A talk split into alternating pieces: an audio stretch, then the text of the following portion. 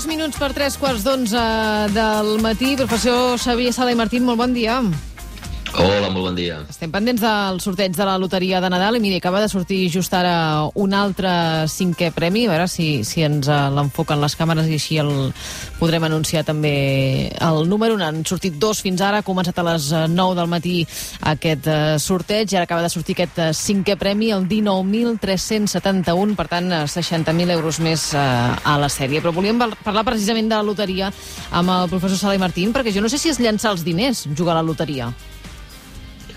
Home, bastant sí, sí, sí. Uh, és, és bastant llançar els diners. O sigui, pensa una cosa, uh, diguem, de, de cada 100 euros que el govern recapta, diguem, que la loteria recapta, uh, diguem, uh, de cada 100 euros, 30 sí? se'ls queda al govern i 70 es reparteixen.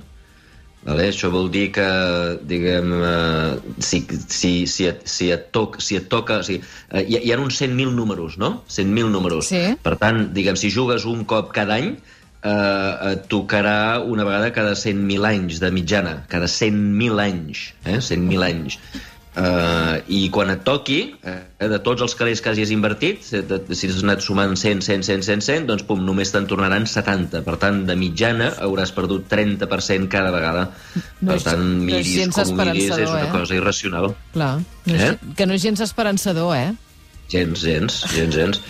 Um, llavors, la, la pregunta important és per què juga la gent, no? Clar. Perquè la gent té aquesta, aquesta, aquesta fascinació per, per jugar i aquí hi ha moltes explicacions eh, econòmico-psicològiques una és que, diguem, per pocs diners, per pocs diners et pots donar el plaer eh, escapista, no? Un plaer escapista de, de, de somiar que seràs ric, no?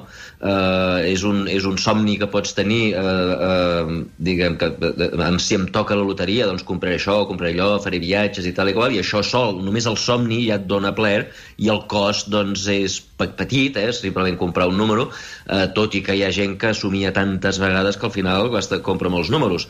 Uh, la segona explicació és que és difícil d'entendre les probabilitats.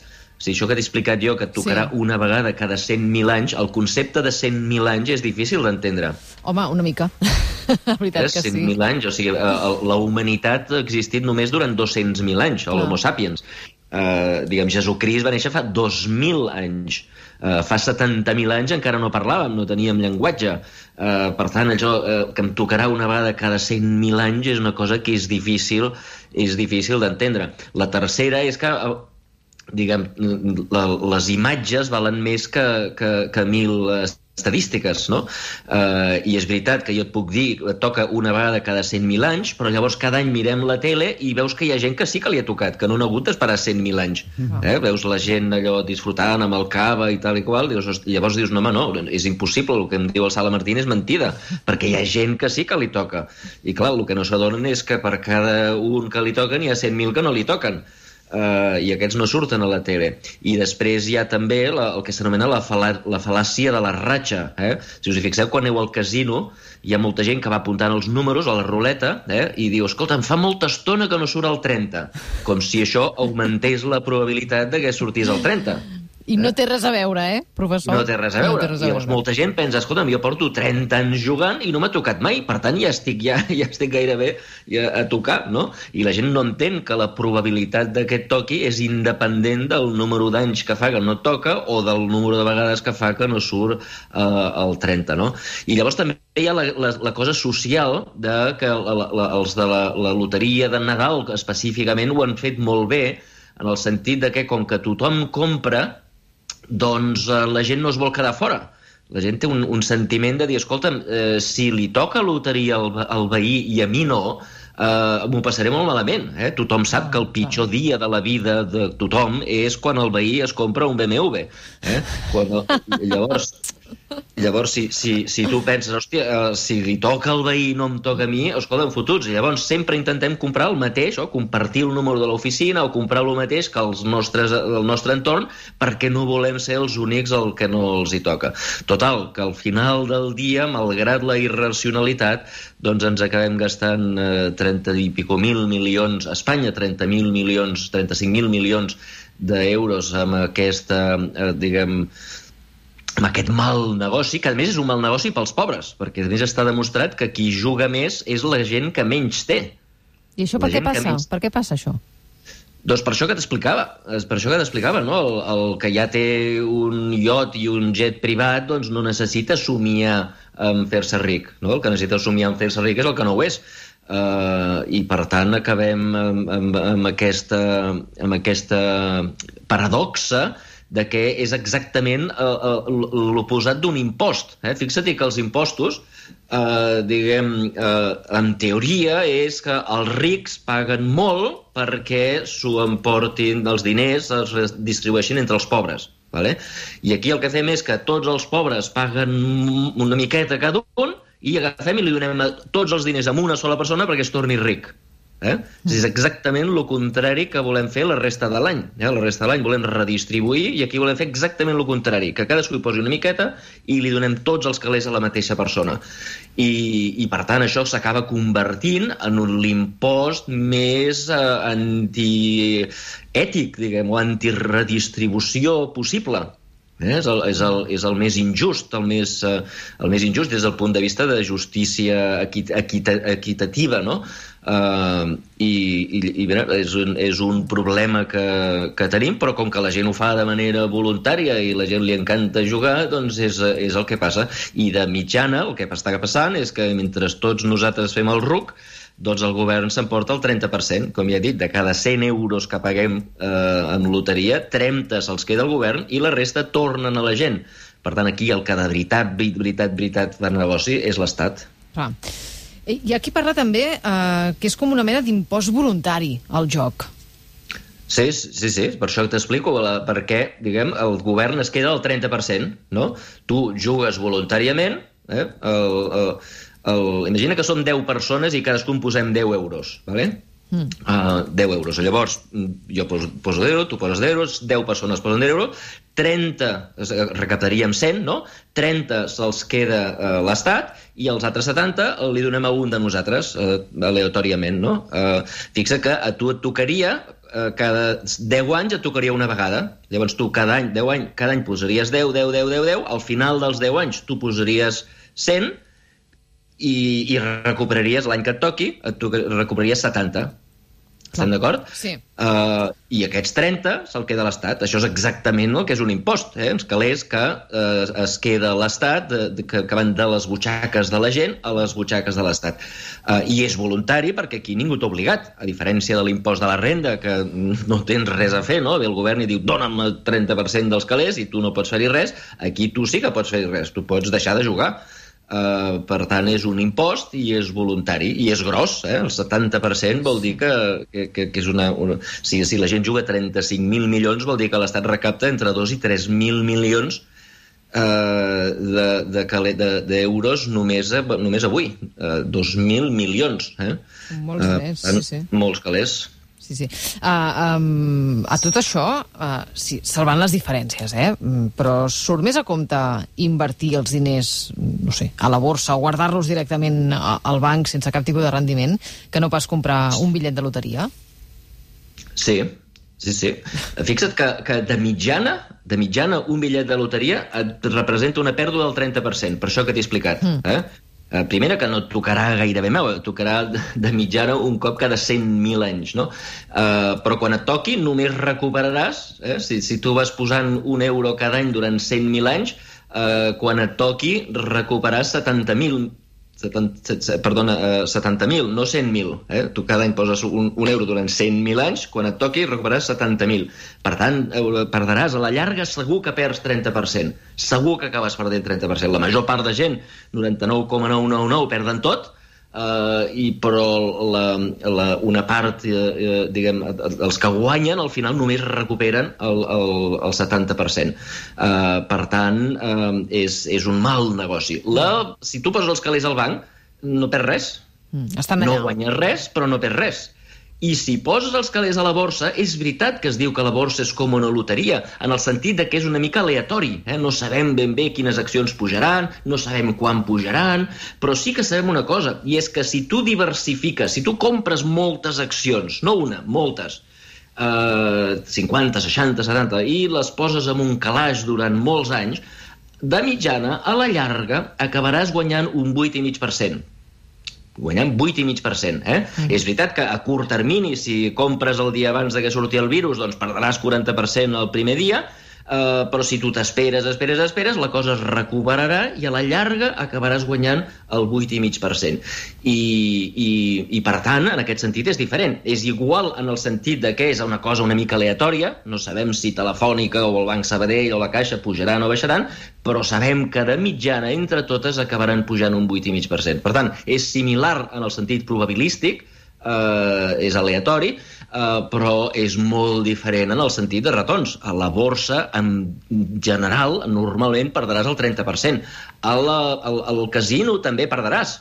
Eh? Tu vas al casino, a la, a la ruleta, per exemple, eh, fixa't que tots els premis si no hi hagués el 0, eh, com que tu, quan tu apostes a un número, et do, hi ha 36 números, doncs et donen 36 vegades el que has apostat. No? Mm. Apostes un euro, en el número 3, si et surt el número 3 et donen 36, si no surt el número 3, perds. Per tant, et tocarà una de vegada de cada 36, perquè hi ha 36 números. Aquell dia que et toqui et, et donaran et donaran 36 vegades el que és apostat, per tant, de mitjana et quedaràs igual si no hi hagués el 0. Què passa? Doncs que una vegada de cada 37 toca el 0 i s'ho queda tot l'empresa. Sí. Eh?